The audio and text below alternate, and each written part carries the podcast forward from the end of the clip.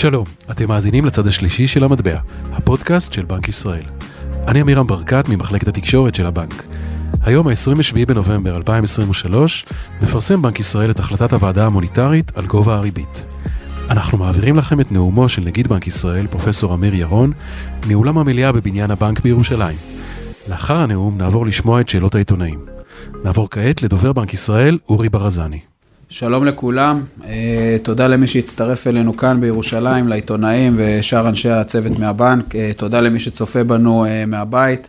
אנחנו בעיצומם של ימים לא קלים, אבל העבודה בבנק ישראל נמשכת ובצורה מקיפה ומתכללת גם את אירועי המלחמה.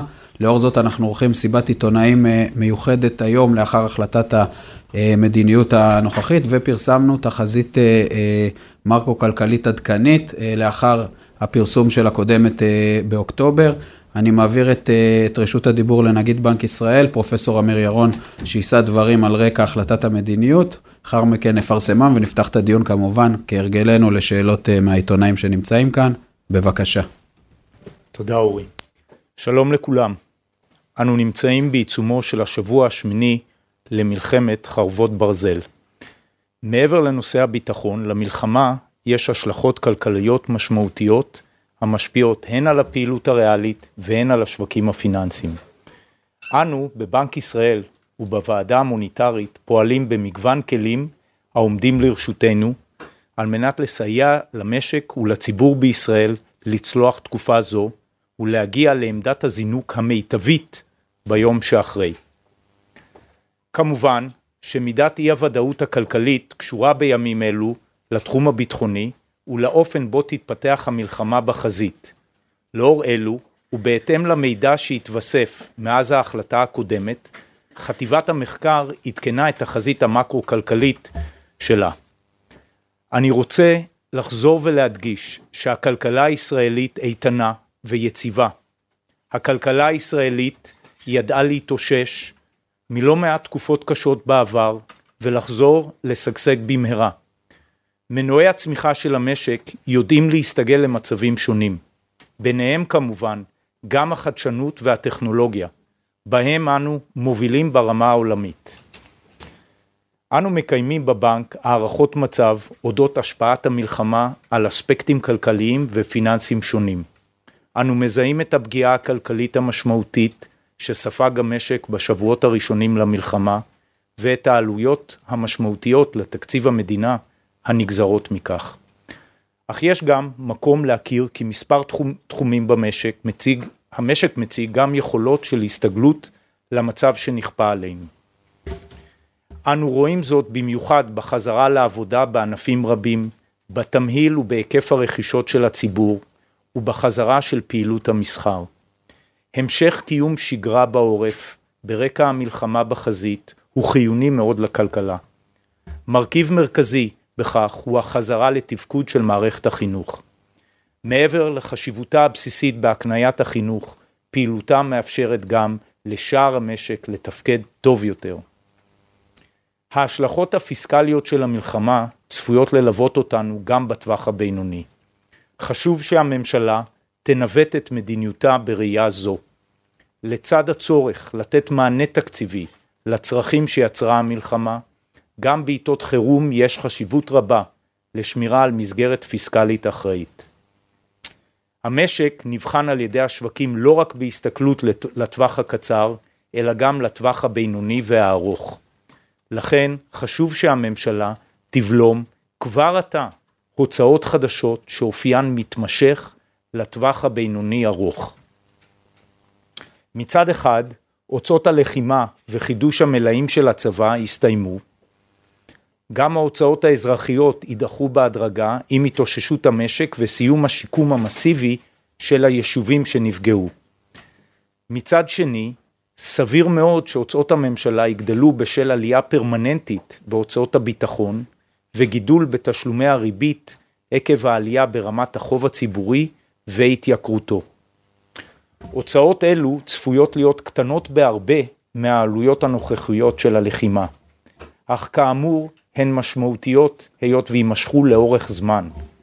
לכן חשוב לקבל בהקדם החלטות לגבי התאמות של התקציב שיתמכו בהפחתה מתמשכת של יחס החוב לתוצר מהרמה אליה יעלה בתום המלחמה.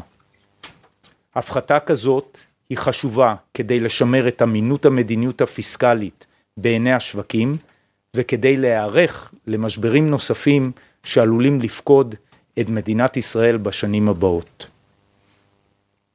אעבור כעת להתייחס להחלטתנו היום.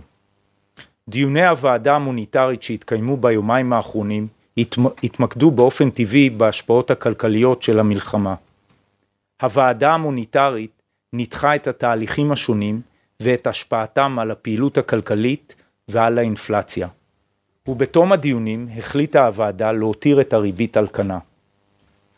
חשוב להבין, למרות ירידה מסוימת בפרמיית הסיכון, היא עדיין שואה ברמה גבוהה. זאת על רקע אי הוודאות הגדולה סביב התפתחות המלחמה. האינפלציה עודנה מעל טווח היעד. למרות שציפיות האינפלציה מעוגנות, השפעות המלחמה על תהליכי האינפלציה טרם התבהרו. אלו יהיו תלויות בחומרה היחסית של מגבלות ההיצע ובירידה בביקושים. כפי שהודענו בהחלטת הריבית, מדיניות הוועדה המוניטרית מתמקדת בעיצוב השווקים והפחתת אי הוודאות, לצד יציבות המחירים ותמיכה בפעילות הכלכלית. תוואי הריבית ייקבע בהתאם להתפתחות המלחמה ואי הוודאות הנגזרת מכך. ככל שהיציבות בשווקים הפיננסיים תתבסס וסביבת האינפלציה תוסיף להתמתן אל עבר טווח היעד, המדיניות המוניטרית תוכל להתמקד יותר בתמיכה בפעילות הכלכלית. עם פרוץ המלחמה נקטנו במספר צעדים שמטרתם להבטיח תפקוד מלא ותקין של השווקים. תוכניות אלו הצליחו לייצר עד כה יציבות בשוק המטח ובשווקים הפיננסיים. הרמה הגבוהה של יתרות המטח של בנק ישראל, שעמדה על כ-200 מיליארדי דולרים ערב המלחמה, מאפשרת לנו מרחב פעולה לשמירה על היציבות במשק, תוך הפחתת אי הוודאות בעת הזו. כמו כן, בהסכמה עם המערכת הבנקאית, הרחבנו את מתווה הסיוע ללקוחות גם לתושבי הצפון. אזכיר שהמתווים שגובשו מאפשרים לאוכלוסיות שנפגעו באופן ישיר מנזקי המלחמה ולאנשי המילואים לדחות ללא ריבית וללא עמלות את תשלומי ההלוואות והמשכנתאות ולהיות זכאים להטבות נוספות. בנוסף לאלה, מאז החלטת המדיניות המוניטרית הקודמת, נקטנו בבנק במספר צעדי מדיניות במטרה לתמוך באספקת אשראי סדירה לעסקים קטנים. במסגרת זו החלטנו להפעיל תוכניות להעמדת אשראי מוזל לעסקים קטנים וזעירים בהיקף של עד 11 מיליארדי ש"ח דרך המערכת הבנקאית ודרך גופים חוץ בנקאיים. אעבור עתה להרחיב על נתונים כלכליים נוספים. תחילה האינפלציה. החזרת האינפלציה ליעדה היא מטרה מרכזית גם בעת הזו. נכנסנו למלחמה כאשר האינפלציה בישראל עדיין שוהה מעל היעד ומקיפה מנעד רחב של סעיפים מהמדד. האינפלציה בישראל מצויה מזה זמן מעל הגבול העליון של היעד, אך על פי התחזיות היא צפויה להתמתן בחודשים הבאים ולשוב במחצית הראשונה של 2024 לתחום היעד, שכזכור עומד על 1 עד 3 אחוזים. אנו רואים בנתונים האחרונים ירידה באינפלציית המוצרים שאינם שכירים, המורכבים בעיקר מסעיף הדיור וענפי השירותים. מאידך, אינפלציית השכירים היא אומנם נמוכה יותר, אך תנודתית יותר. הייסוף המשמעותי שחל לאחרונה, אם יתבסס, יפחית את לחצי האינפלציה ויסייע להתכנסותה ליעד. כלי המדיניות שהפעלנו עד כה עקביים גם עם מחויבותנו להחזרת האינפלציה ליעד, והוועדה המוניטרית מעריכה כי המדיניות המוניטרית הנוכחית תומכת בהתכנסות האינפלציה ליעדה. לשוק הדיור משקל רב בפעילות הכלכלית. בחודשים האחרונים אנו רואים התמתנות בשוק זה ומדד מחירי הדירות יורד, כשלצד אלו אנו רואים גם את הקשיים המתגלים בענף. המצב הביטחוני הוביל לפגיעה בפעילות ענף הבנייה בשל מחסור בעובדים פלסטינאים ובמידה מסוימת גם עקב עזיבה של עובדים זרים. בנוסף, סגירת אתרי בנייה על ידי חלק מהרשויות המקומיות הגבילה את פעילות החברות הביצוע. הממשלה פועלת להבאת עובדים זרים נוספים בהקדם. חשוב שהיא תמשיך לפעול גם למזער את המגבלות השונות באתרי הבנייה כדי לשמר את הפעילות בענף. מעבר לשימור הפעילות בטווח המיידי, יש לנקוט בפעולות הדרושות כדי לשמור על היצע בנייה גבוה לאורך זמן. זהו המפתח, כפי שציינתי בעבר, להמשך ההתמתנות של מחירי הדיור. באשר למצב הפעילות הכלכלית, שוק העבודה ערב המלחמה היה הדוק ובסביבת תעסוקה מלאה. בעקבות המלחמה זינק שיעור האבטלה הרחבה, שכולל מועסקים הנעדרים מסיבות כלכליות. זאת לצד ירידה במספר המשרות הפנויות לרמות שהכרנו ערב משבר הקורונה. מאידך, אנו רואים גם את יכולת ההסתגלות של המשק למצב. לדוגמה, כפי שמשתקף בירידת שיעור העובדים המועסקים במקומות עבודה שבהם התעסוקה מינימלית, מ-20% בגל הראשון של הסקר המיוחד שבוצע באוקטובר, ל-11% בגל השני שבוצע לפני כשבוע. כמו כן, הצריכה באמצעות כרטיסי האשראי, שחוותה ירידה משמעותית בשבועות הראשונים למלחמה, מתאוששת.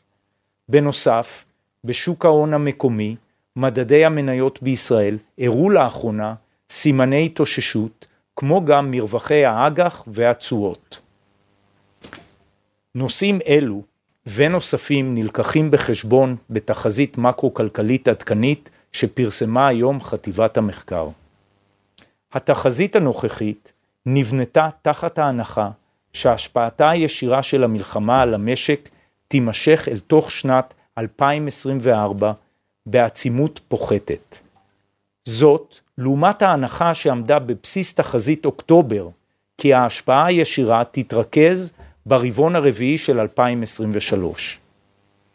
בדומה לתחזית מאוקטובר, התחזית מניחה כי חלקה הארי של המלחמה יהיה בחזית מול חמאס ברצועת עזה. ישנם ענפים בהם מגבלת ההיצע היא הרלוונטית, כגון מחסור בעובדים ונגישות בענפי הבינוי והחקלאות. ישנם ענפים אחרים בהם הגורם הדומיננטי הוא ירידה בביקושים. התחזית של החטיבה מתכללת מגבלות ענפיות אלו ואת ההתפתחויות לגביהן על פני זמן. מטבע הדברים, התחזית מאופיינת ברמה גבוהה במיוחד של אי ודאות, בין היתר על רקע אי ודאות בנוגע למשך, היקף ואופי המלחמה. ברור כי משך זמן קצר או ארוך יותר, וכן התפתחויות של המלחמה לזירות נוספות, ישנו את האומדנים באופן מהותי. בהתאם להנחות הללו, החטיבה עדכנה כלפי מטה את תחזית הצמיחה, ומעריכה שהתוצר יצמח בשני אחוזים בכל אחת מהשנים 2023 ו-2024.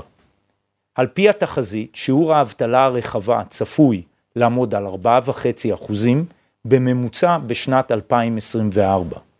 האינפלציה השנתית צפויה לעמוד בממוצע רבעון רביעי של 2024 על 2.4 אחוזים. התחזית מעריכה כי העלויות התקציביות של המלחמה, הוצאות פלוס אובדן הכנסות, צפויות להסתכם בכעשרה אחוזי תוצר. יחס החוב לתוצר, אחד המדדים הפיסקליים המשמעותיים ביותר, צפוי על פי התחזית לעמוד בסוף שנת 2024 על כ-66 אחוזים. זה המקום להזכיר שוב כמדיניות פיסקלית אחראית הביאה את המשק ליחס חוב תוצר רצוי של כ-60 אחוזים בתחילת המלחמה. יחס זה, יחס זה עומד לצידנו כעת, כאשר צפויות למשק הוצאות משמעותיות כתוצאה מהמלחמה, בין אם לביטחון ובין אם לתמיכה וסיוע לעסקים ולמשקי הבית שנפגעו. חשוב להמשיך לנהל מדיניות פיסקלית אחראית ולשדר זאת לשווקים, שעוקבים היום יותר מתמיד אחר הפעילות בישראל. תקציב 2024 המחודש צפוי להיבנות רק בחודשים הראשונים של 2024. לאור זאת, חשוב שכבר עתה הממשלה תציג את מחויבותה לאחריות פיסקלית באמצעות החלטות ממשיות לצמצום הוצאות שהפכו לנחוצות פחות. רצוי שהצמצום יהיה בהתאמות שלהן השפעה פרמננטית, פרמננטית ושתרומתם לצמיחת המשק נמוכה יותר. כך, אלו יהוו מקורות להתמודדות עם הגידול הצפוי בתקציב הביטחון, גם בשנים שלאחר המלחמה, ועם כך שיחס החוב לתוצר עלול להמשיך ולעלות ללא התאמות אלו. לקראת סיום, אין ספק שתקופה מאתגרת עוברת עלינו. אנו בבנק ישראל נמשיך לסייע לכלכלה הישראלית לצלוח את האתגרים השונים שעוד צפויים לנו. כפי שידעה כלכלת ישראל להתאושש מתקופות קשות בעבר ולחזור לשגשג במהרה, אני סמוך ובטוח שלמשק הישראלי יש את כל המרכיבים הנחוצים לחזור לפוטנציאל הצמיחה האדיר הגלום בו.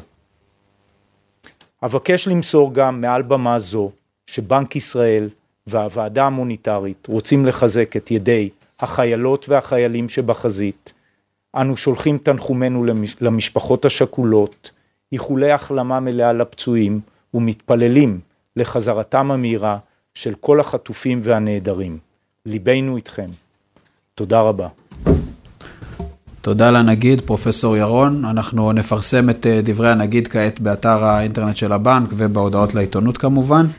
אה, נפתח את מסיבת עיתונאים לשאלות, נפתח עם מתן חודורוב, ערוץ 13, בבקשה. אדוני הנגיד, שלוש שאלות אה, ברשותך. דיברת על הצורך להפחית בהוצאות, ושר האוצר סמוטריץ' מביא היום לאישור הממשלה תקציב שבו מקוצצים פחות ממיליארד מתוך שניים וחצי מיליארד שקלים של כספים קואליציוניים ל-2023 מבלי להתחייב לשום קיצוץ בכספים הקואליציוניים ב-2024 האם בעיניך זהו תקציב לא אחראי?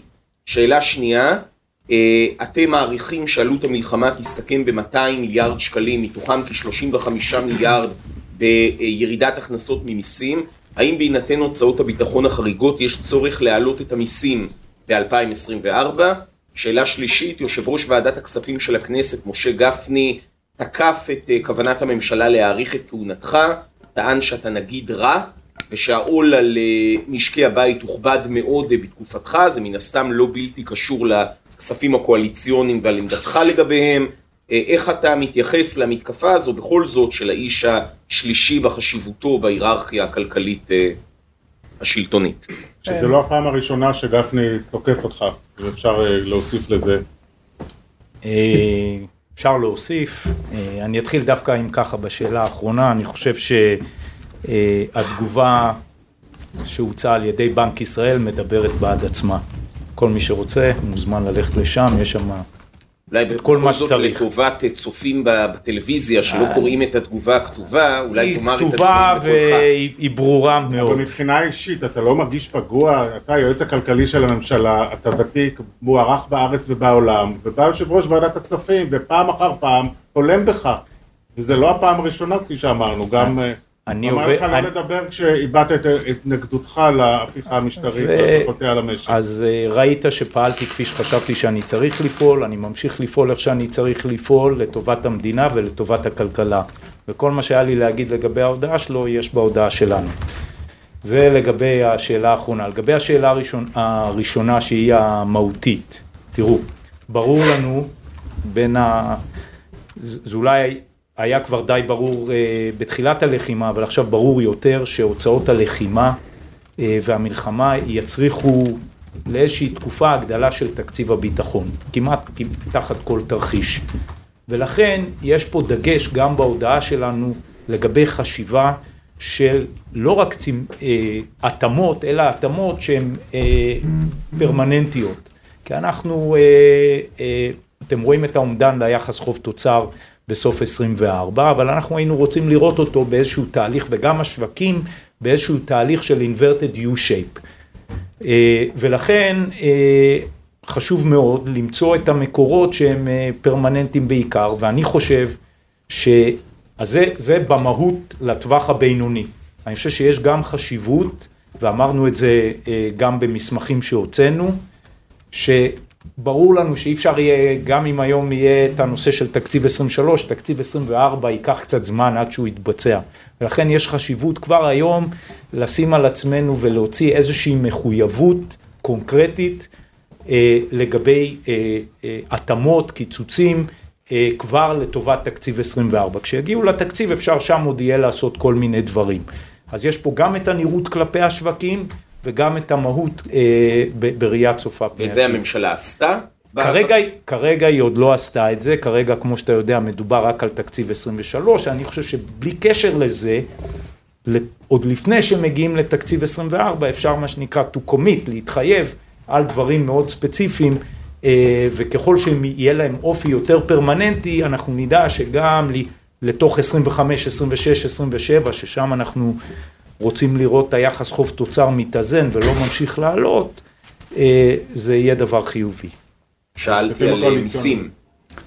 עוד פעם, כרגע ב-24, בטח בתקופה שהמשק, אה, אה, רוצ, אנחנו רוצים, אה, אנחנו רואים שגם התחזית שלנו מדברת על צמיחה שהיא בוודאי נמוכה מהפוטנציאל, זה לא, לא תהיה התקופה הנכונה להעלות מיסים. אני חושב שככל שיצטרכו אה, לחשוב קדימה על 25 ו-26, כדי שיחס החוב תוצר הזה לא, אה, לא ימשיך לעלות, יצטרכו לעשות התאמות, ככל שיצליחו לעשות אותם בתוך התקציב, לא יצטרכו לעשות, לגעת בנושא המיסים. תודה רבה. אה, ישראל פישר, גלי צה"ל, בבקשה. שתי שאלות ברשותך. אה, שאלה ראשונה, גורמים באוצר אה, מביעים בשיחות פנימיות חששות שההתנהלות התקציבית הנוכחית תוביל לפגיעה בדירוג האשראי של ישראל בקרוב, האם החששות האלה הועלו על ידי סוכנויות אה, הדירוג, האפשרות הזו עולתה על ידי סוכנויות הדירוג בפניכם בבנק ישראל. והשאלה השנייה, ברשותך, אה, עמדתך לגבי הטענות שהבנקים גוזרים קופון, דברים שנאמרו היום מהמדיניות של בנק ישראל. אוקיי, okay. אז קודם כל, אה, תראה, לנו תמיד יש שיח עם חברות הדירוג, אנחנו מציב, מציבים להם את התמונה הכלכלית, את זה שהמערכת הפיננסית היא יציבה, ושבאמת למדינת ישראל, צריך להדגיש, באמת נכנסה במצב טוב מאוד עם כלכלה, יחס חוב תוצר נמוך, יתרות גבוהות, אה, לכל, לכל האירוע הזה. אה, אני חושב שהתשובה שלי למתן, היא איפה שהם היו רוצים לראות את המשק. מצד אחד ברור שיש הוצאות אה, ביטחוניות מחייבות, וכמו שאמרתי, ככל שנצליח אה, להראות שנעשות התאמות, וככל שזה יעשה יותר מוקדם בבירור, זה ייתן להם את אה, תחושת הביטחון שאכן העסק מנוהל למצב שבו יחס החוב תוצר, שזה אחד הדברים שעליהם הם מסתכלים כמובן אה, בצורה נאותה. אבל האם הם הביעו את החששות האלה? אני לא נכנס לשיחות אה, איתם, אה, אתה יודע, שיחות שלי איתם, אני אומר לך, אלה הפרמטרים שהם תמיד מסתכלים עליהם, ואני לא יודע מה אנשי האוצר אמרו או לא אמרו בנושא הזה. לגבי החלק השני, השאלה השנייה, אז, אז קודם כל, אנחנו כמובן יודעים ש... מצד אחד היו פה רווחים מאוד גבוהים במערכת הבנקאית עד, לה, עד למלחמה. אני כן רוצה לומר שהמתווה, המתווה או המתווים שבנק ישראל הוביל אליהם, הובילו באמת אה, קודם כל לוודאות והקלה להרבה משקי בית, יש לנו מעל 270 אלף אה, דחיות אה, תשלומים, כמעט נדמה לי מעל 35 אחוז מהם הם ללא, הם ללא ריבית וכיוצא בזה. לגבי אותה נקודה של הפריים, אם זה מה שהתייחסת כן. אליו, אז אני, אני רוצה להסביר. המתווה הזה הוא מתווה משלים להלוואות של החשכ"ל. הלוואות של החשכ"ל הן בפריים פלוס אחד וחצי. אנחנו בעצם, המתווה שלנו מוביל לזה שאותם עסקים קטנים וזעירים יקבלו את ההלוואות בפריים. לכן זה אמור לעבור אחד לאחד אה, לעסקים הקטנים והזעירים. תודה רבה. נעבור לגד ליאור, ידיעות, ynet, בבקשה. בשוויץ יש שבעה שרים, בגרמניה יש 12 שרים, פה יש 38 שרים. אגף התקציבים, לא מהיום, ממליץ לסגור משרדים. כרגע הוא במכתב רשמי ממליץ על שישה, בדיבורים הוא ממליץ על עשרה.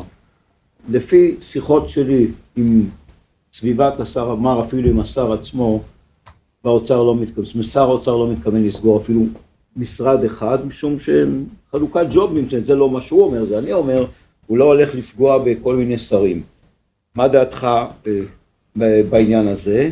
חוץ מזה, אתה משוחח עם אנשים בחו"ל, אנחנו שומעים לצערנו כל מיני ראשי מדינות שהם מדברים בצורה לא הכי מבינה, האם בשיחות שלך עם נגידי בנקים, אולי שרי אוצר, שמעת גם אה, התייחסות שלילית לגבי אה, מה שישראל למשל עושה עכשיו בעזה? אני דווקא אתחיל בחלק השני של השאלה. אני רוצה להגיד לך שעם פרוץ המלחמה קיבלתי מכתבי, מכתבי תמיכה ואפילו טלפונים מכל הנגידים, כולל הבכירים ביותר. יתרה מזו... גם מערבים? אני, אני לא נכנס ספציפית, אני רק אומר לך ש... ו, וכנ"ל הייתי בשוויץ, הזכרת את שוויץ, הייתי שם בכנס נגידים לא, לא מזמן, וגם שם אה, הרבה מאוד, אה, אה, בוא נגיד, הביעו הבנה ותמיכה. יתרה מזו, אה, מי שעקב, היה לי, היה לי גם נאום מאוד, בכנס מאוד בכיר של ה-IMF במרקש, ואחרי זה יחד עם הנגיד פאוול, וגם שם, לאחר מספר פסקאות שכביכול היו קונקרטית על המלחמה, לא על הכלכלה, אפילו היו מחיאות כפיים, כן? ורק בשבוע שעבר דיברתי עם אה, שרת האוצר של ארה"ב, ג'נט ילן, וגם היא הביעה תמיכה לא מסויגת אה, בנושא הזה. אז זה התשובה הזאת. לגבי הנושא של המשרדים, עוד פעם, בסוף יש פה החלטות פוליטיות, אני לא, כמובן לא יכול להיכנס אליהן ולא אכנס אליהן, אבל ברור לנו אה, שכנראה אה, הרבה מאוד משרדים, זה לא בהכרח מבטיחים יעילות ביצועית ברמה, ברמה הממשלתית, כן? אה, ואנחנו בתקופה, בתקופה... רגע, סליחה, הרבה משרדים לא, לא מבטיחים כן, יעילות. לא, כן. ופה אה, המערכת הפוליטית תצטרך לשקול את האיזונים שלה בהינתן מש, בדיוק מה שעניתי למתן ומה שאמרתי פה. אנחנו בתקופה שבברור יש לנו הרבה יותר הוצאות, ואנחנו היינו רוצים לוודא וגם להציג לשווקים שאנחנו עושים את הצעדים הנכונים. תודה רבה, נעבור לנתי טוקר, דה מרקר, בבקשה. כן, שתי שאלות. שאלה ראשונה, הממשלה היום אמורה להאריך את כהונתך לקדנציה נוספת, ברכות. התוצאה הרצויה, חוץ מ...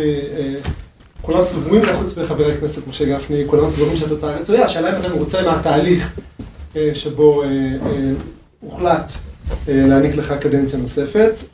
שאלה שנייה, עם פרוץ המלחמה החששות המרכזיים שלכם היו פיחות בשקל ולחצים אינפלציוניים, האם ההערכה הזאת הייתה שגויה במבט לאחור ולמעשה החשש הזה הוסר? אוקיי, all over the place. אז, אז תראה, בנושא הערכה, בוא נגיד, ראיתי כבר בחיי תהליכים יותר אלגנטיים, אבל uh, התוצאה היא החשובה, כן? Uh, לגבי המהות, שזו השאלה השנייה, אני חושב שמה שאנחנו מקבלים, הזכרתי את כמה נאומים, את הזה, אני חושב שזה הייתה בדיוק התגובה הנכונה, כן? אני רוצה לומר משהו שאמרתי אותו מספר פעמים, בתור כלכלנים ומי שלמד את ההיסטוריה הכלכלית, כן? כששווקים מתחילים להיות, ב... יש להם אפקט דומינו ו- ו- ויכולים להיות overshooting uh, uh, וכיוצא בזה, אנחנו לא רוצים להגיע למצב של פאניקה או אי תפקוד uh, ולכן היה מאוד מאוד חשוב הצעד הזה שעשינו, הוא השרה ביטחון, הוא, הוא, הוא חסם בין היתר את, להערכתנו את זה ששער חליפין יכול להגיע ל, ל, למקומות אחרים, נתן לשאר השווקים, כן, אם זה האג"ח, אם זה המניות, את הסביבה הנכונה, ולאחר מכן, כמו שאנחנו רואים, אה, התייצבות מסוימת בזירה הביטחונית, אה, אולי ירידה מסוימת בהסתברות אה, לזירה הצפונית, גם הדולר עצמו נחלש, כל אלה הביאו אותנו לנקודה שאנחנו נמצאים בה עכשיו. לכן אני חושב, זה, זה, זה בפירוש היה צעד נכון. יותר מזה, אני אגיד, זה שיש לנו את ה-200 מיליארד, ודובר בעבר עליו, זה רק מראה את החשיבות של המחסנית הזאתי לאירועים כאלה. האמון שאנחנו יכולים להתמודד באירועים כאלה הוא לא פחות, לא פחות חשוב מעצם הביצוע. תודה רבה. אמ, אני עובר לסטיב שיר מרויטרס. סטיב, בבקשה. Hi, uh, I wanted to, uh, you, you said that as financial markets stability becomes entrenched, inflation continues to moderate, that monetary policy will support economic uh, activity. So my question is, how much does this mean that you're preparing the markets for rate cuts as, as starting maybe in January? And I have a second question afterwards, okay?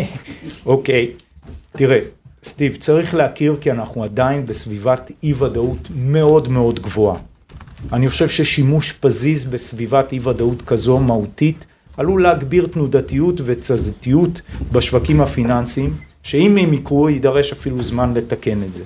לכן אנחנו כרגע ממתינים להתבססות של היציבות בשווקים הפיננסיים, ולאחר מכן נוכל לשקול שימוש בכלים המוניטריים, שהריבית הוא כמובן אחד מהם, כדי לתמוך בפעילות.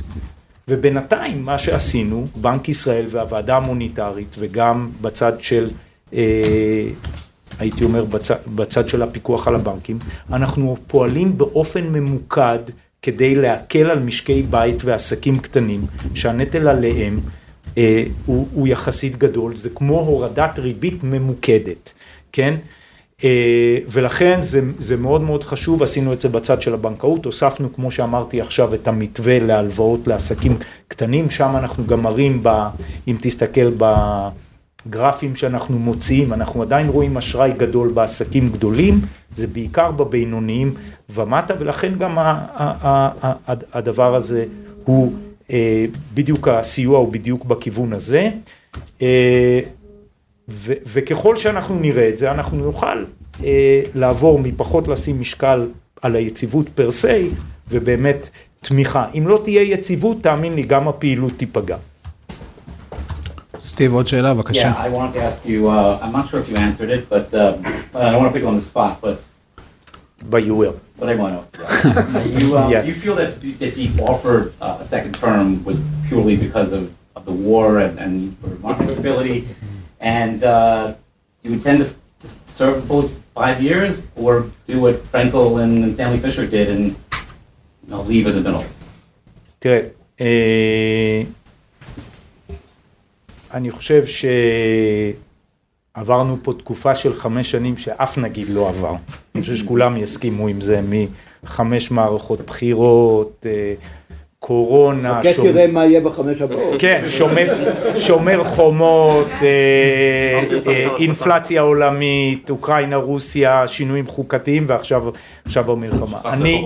מה? שכחת קורונה. קורונה, אמרתי קורונה. אה, זה, זה כל כך ארוך שקשה, אתה יודע. אה, אני עושה את זה מאחריות לאומית, כל כולי עסוק בזה יום ולילה, ואני מניח שככה יהיה כל קדנציה השנייה. תודה רבה. אה, צבי, צביקה, זרחי, הכלכליסט, ברוך הבא, בבקשה. ברוכים הנמצאים. אה, קודם נגיד לגבי הכספים הקואליציוניים, אה, בשבוע שעבר חטיבת המקאפו הביעה ביקורת על המשך השימוש בזה, והיום ראינו ששר האוצר וראש הממשלה לא, אמרו, לא עמדו בהבטחה לקצץ 70 אחוז מהכספים הקואליציוניים. כיועץ הכלכלי של הממשלה, מה אתה הולך לומר להם הערב, שבעצם הכספים הקואליציוניים האלה זה אתנן פוליטי, זה לא מייצר צמיחה, זה מעודד אפילו אי השתתפות בכוח העבודה. כיועץ הכלכלי לממשלה, מה אתה הולך להגיד לשרים על זה? אני חושב שמה שהצגתי פה זה המסר העיקרי. המסר העיקרי זה שאנחנו הולכים להתמודד עם הוצאות גדולות יותר, בטח בטווח של ה... מעבר לשנתיים הקרובות. ולכן אנחנו חושבים שחייבות להתבצע התאמות תקציביות, כן? וההתאמות התקציביות האלה צריכות להתמקד בדברים שיש להם אופי פרמננטי ושהם, אה, ובאלה שתורמים אה, הכי פחות אה, לצ, לצמיחה. בסוף, כמו שאתה אומר, יש פה, יש להם עוד שיקולים, זה המסר שאנחנו צריכים להגיד להם, ואני חוזר גם למסר שאמרתי פה, אני כבר לא זוכר, שגם אם הם עוד לא יודעים איך תקציב 2024 ייראה בסופו של עניין, וזה גם אמרנו, זה גם חטיבת המחקר אמרה, יש חשיבות לתפוס את הדבר הזה עוד לפני שמגיעים לפברואר, סתם אני זורק אה, חודש, כן, שאולי בו יהיה תקציב 24, כבר עכשיו לסמן את ההתאמות האלה, את הקיצוצים האלה אה, בתחומים האלה, וככל שהם יתרכזו בתחומים האלה, ככה טוב יהיה. תודה רבה. אה, אהרון כץ, גלובס, בבקשה. שלום אני אגיד. אה, אני אגע טיפה באינפלציה שעד עכשיו לא נגענו בה. אתם רואים את, את האינפלציה מגיעה בעצם אל תוך יעד הבנק לקראת סוף השנה, ודיברת בפעמים קודמות על זה שביצעתם הורדות ריבית נקודתיות, שבעצם מקלות על המשק. למה לא כבר להוריד ריבית? מה אתם רוצים לראות ולחכות שיקרה, שיקרה במהלך החודש הקרוב, חודשים הקרובים? אמ, ואיך אתם, אתם חושבים שמשהו ישתנה בחוסר הוודאות הנוכחי שיגרום לכם כן להוריד הריבית? אז זה קצת אה, מתקשר עם השאלה של סטיב, אז תסלח לי אם אני קצת חוזר על עצמי, אבל צריך להכיר בעובדה שאנחנו עדיין בסביבת אי ודאות מאוד מאוד גבוהה. קודם כל יש אי ודאות גיאופוליטית, מלחמתית מאוד מאוד גדולה. אני חושב שימוש פזיז בס... של כלי הריבית כרגע בסביבת אי ודאות כזו מהותית, אם דברים יעשו ריברס, אה, רק יגבירו תנודתיות אה, בשווקים הפיננסיים ויכול להיות שיידרש זמן או כלים יותר גדולים כדי לתקן אותם. ולכן כרגע אנחנו ממתינים אה, להתבססות של היציבות בשווקים הפיננסיים. ורק לאחר מכן נוכל לשקול שימוש בכלים המוניטריים. יתר, תן לי רק יתרה מזו. מה שאתה רואה בציפיות, שזה גם מופיע בגרף, וזה גם הציפיות שלנו, זה איזושהי תוחלת, כן, של הציפיות. אבל צריך להבין, יש פה תהליכים מאוד, גם בתחום האינפלציה יש תהליכים מאוד לא ברורים, כן? יש מגבלות היצע, יש מגבלות ביקוש, תהיה, לדוגמה, תהיה עלייה, מה יקרה עם השכירויות, כן? יש, יש, הציפייה היא בדרך לשם, ולכן אנחנו חושבים שבין אי, בין הנושא הזה שאי היציבות כרגע הוא מאוד מאוד גדול, בין זה שאנחנו באמת נוכל לראות, כמו שכתוב בהחלטת הריבית, שבאמת האינפלציה מתקדמת אה, לכיוון טווח היעד והתהליכים שאנחנו חושבים שהם ילכו, מתכנסים לשם אכן מתממשים, אנחנו באמת נוכל להפעיל את אה, כלי הריבית לשלב, אה, לשלב הבא. בינתיים, מה שעשינו ב, בלא מעט צעדים זה בעצם הקלנו, כן, על, על דברים המשמעותיים כמו משכנתאות, הלוואות וכיוצא בזה, ולזה אני קורא את הורדת ריבית ממוקדת. אילו תנאים כלכליים אבל אתם רוצים ש... שיתייצבו? השקל החל להתייצב, הוא ברמה יותר נמוכה כן. ממה שהיה בפרוץ המלחמה, אבל אני בטוח שאתם מודעים לתחזית למדד נובמבר, שאמורה להיות ללא מבין... שינוי. אבל אתה מבין שכרגע אנחנו בסביבה מאוד תנודתית, שאנחנו מדברים על התבססות, זה שאנחנו רואים שלאורך זמן זה לא קופא, אה, זה לא זז הלוך וחזור לכיוונים אה, שונים, אולי אפילו התבססות אה, גיאופוליטית מסוימת. אנחנו רואים את מדדי פרמיית הסיכון מתבססים. יש לנו מספר פרמטרים פיננסיים, כשאנחנו אומרים התבססות של היציבות בשווקים הפיננסיים, שאנחנו אומרים שהדברים האלה קצת מסתדרים ואין להם את התנדותיות שאפיינה עד עכשיו את, את, אה, בשווקים. תודה אהרון. אה, שגיא אלמוג, ערוץ כן, 14, בבקשה. בהמשך לשאלה הקודמת, המדיניות של בנק ישראל הייתה באמת עקבית בעניין שמירה על יעד האינפלציה. האם לא היה נכון בהחלטה היום, דווקא בזמן מלחמה, להעדיף אולי את שיקולי הצמיחה והשיקום של העסקים על פני הסיכון של האינפלציה? זו שאלה טובה, ועוד פעם, זה קצת דומה לשאלה של סטיב והש, והשאלה האחרונה, ואני, ו, וזו שאלה טובה, כן? אנחנו בהחלט מודעים לכל האספקטים האלה.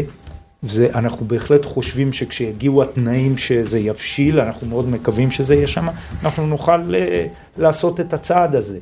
אבל אני חוזר ואומר, אנחנו 50 יום לתוך המלחמה, בסביבת אי ודאות מאוד גבוהה, כן?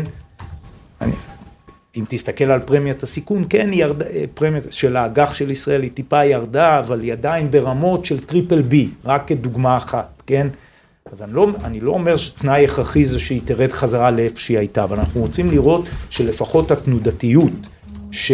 אה, אה, התנודתיות שגלומה בכל מיני שווקים אחרים, או אם זה באופציות, אה, איזושהי התבססות של הדבר הזה, שנוכל אה, לדעת שאנחנו בעולם שהוא קצת יותר יציב, כפי שאמרתי, אה, פזיזות פה וחזרה אה, לכיוונים אחרים, אה, התיקון עלול לעלות בהרבה, בהרבה יותר, ולכן אנחנו אה, ממתינים להתבססות של היציבות בשווקים הפיננסיים, ואחרי זה אנחנו נוכל לשקול שימוש בכלים המוניטריים כמו שאמרת. במקביל, אנחנו ערים לזה, ובדיוק בנקודות, אם זה בהלוואות, אנחנו מאוד, גם בקורונה וגם פה, הנושא של עסקים קטנים וזעירים, אם תסתכל על יתרת האשראי של עסקים גדולים, היא עלתה אפילו, כן, ב, ב, מאז תחילת המלחמה. זה בדיוק בעסקים הקטנים והזעירים, לכן נכנסנו למתווה הזה. שהוא גם דרך המערכת הבנקאית וגם דרך גופים חוץ, אה, חוץ בנקאיים, וגם ב, לאוכלוסייה מאוד רחבה, למעשה עד לתוך ינואר יש להם דחיית הלוואות, אפילו לרובם אולי הכנסה נטו יותר גבוהה. תודה. גלית אלשטיין, בלומברג, בבקשה. כן, אה, שתי שאלות, אולי טיפה יותר צופות אה, פני עתיד.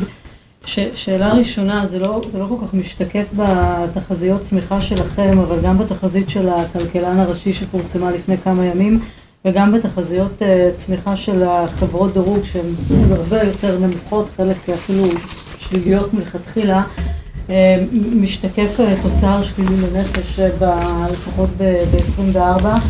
אז, אז אני רוצה לשאול אותך, אני לא יודעת אם אתה יכול להגיד ממה נובע הפער הזה, אבל בכל מקרה, האם אה, אתה צופה שישראל במילים בעברית מדוברת תיכנס למיתון אה, מתישהו בקרוב? ושאלה שנייה, כשמדברים אה, גם אתה וגם אחרים על גידול יחסית פרמננטי בתקציב הביטחון בשנים הקרובות, איזה השפעות אתה חושב שיהיו לזה על, על הכלכלה ועל הכלכלה של ישראל ואני שמעתי כל מה שאמרת על ההסתה של הכספים כמה שיותר וכולי, אבל גם אחרי שיעשו את זה ההוצאה יותר גדולה מהסכומים האלה, אז בכל זאת איזה השפעה תהיה לזה. אז קודם כל לגבי זה שיש תחזיות שונות, אה, משקף בין היתר את אי הוודאות המאוד גדולה שעליה אני מדבר, ובתרחישים שונים אה, יש גם הנחות, אני לא מדבר על זה שתחת אותן הנחות מדויקות אפשר להגיע לתוצאה שונה. כן?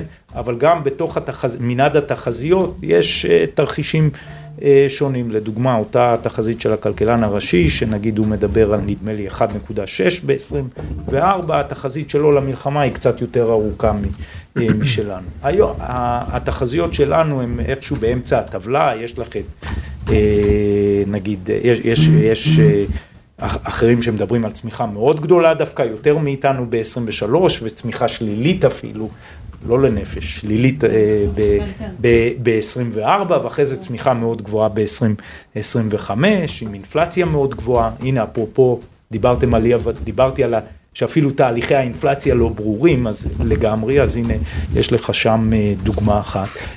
אה, אז אנחנו פחות או יותר היום בתרחיש הזה, אנחנו הייתי אומר די במרכז הטבלה.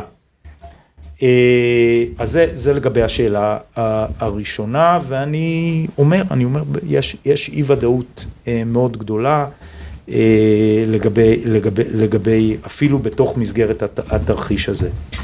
לגבי הצפי קדימה, עוד פעם, אה, השאלה כמה יהיה היקף הגידול בתקציב הביטחון, יש כאלה שמדברים על אחוז תוצר, יש כאלה שמדברים על חצי אחוז תוצר, אז אה, קודם כל זה גם אה, מאוד משמעותי. ותראי, בסוף התקציב הממשלתי נועד לספק מתשתיות, חינוך וכיוצא בזה, יצטרכו פה להתייעל, אם אנחנו רוצים אה, לתת את אותו, את אותם, את אותם שירותים אה, לציבור, אין מה לעשות. תודה גלית. אה, אני אחתום כאן את מסיבת העיתונאים. תודה רבה לכל מי שהגיע אלינו, תודה מי שהצטרף בבית, נאחל לימים שקטים וטובים עבור כל עם ישראל ומדינת ישראל. תודה רבה. עד כאן עוד פרק בפודקאסט הצד השלישי של המטבע. תוכלו לשמוע אותנו ביישומון ההסכתים החביב עליכם, ספוטיפיי, אפל או גוגל פודקאסט ואחרים. מומלץ להירשם כדי לקבל עדכונים על פרקים חדשים. בנאום הנגיד ובמסיבת העיתונאים תוכלו לצפות דרך ערוץ היוטיוב של בנק ישראל. בקרו גם באתר בנק ישראל. שם תוכלו לקרוא את תחזית חטיבת המחקר וחומרים נוספים שקשורים להחלטת הריבית הנוכחית. אני עמירם ברקת, תודה לכם שהאזנתם. שלום.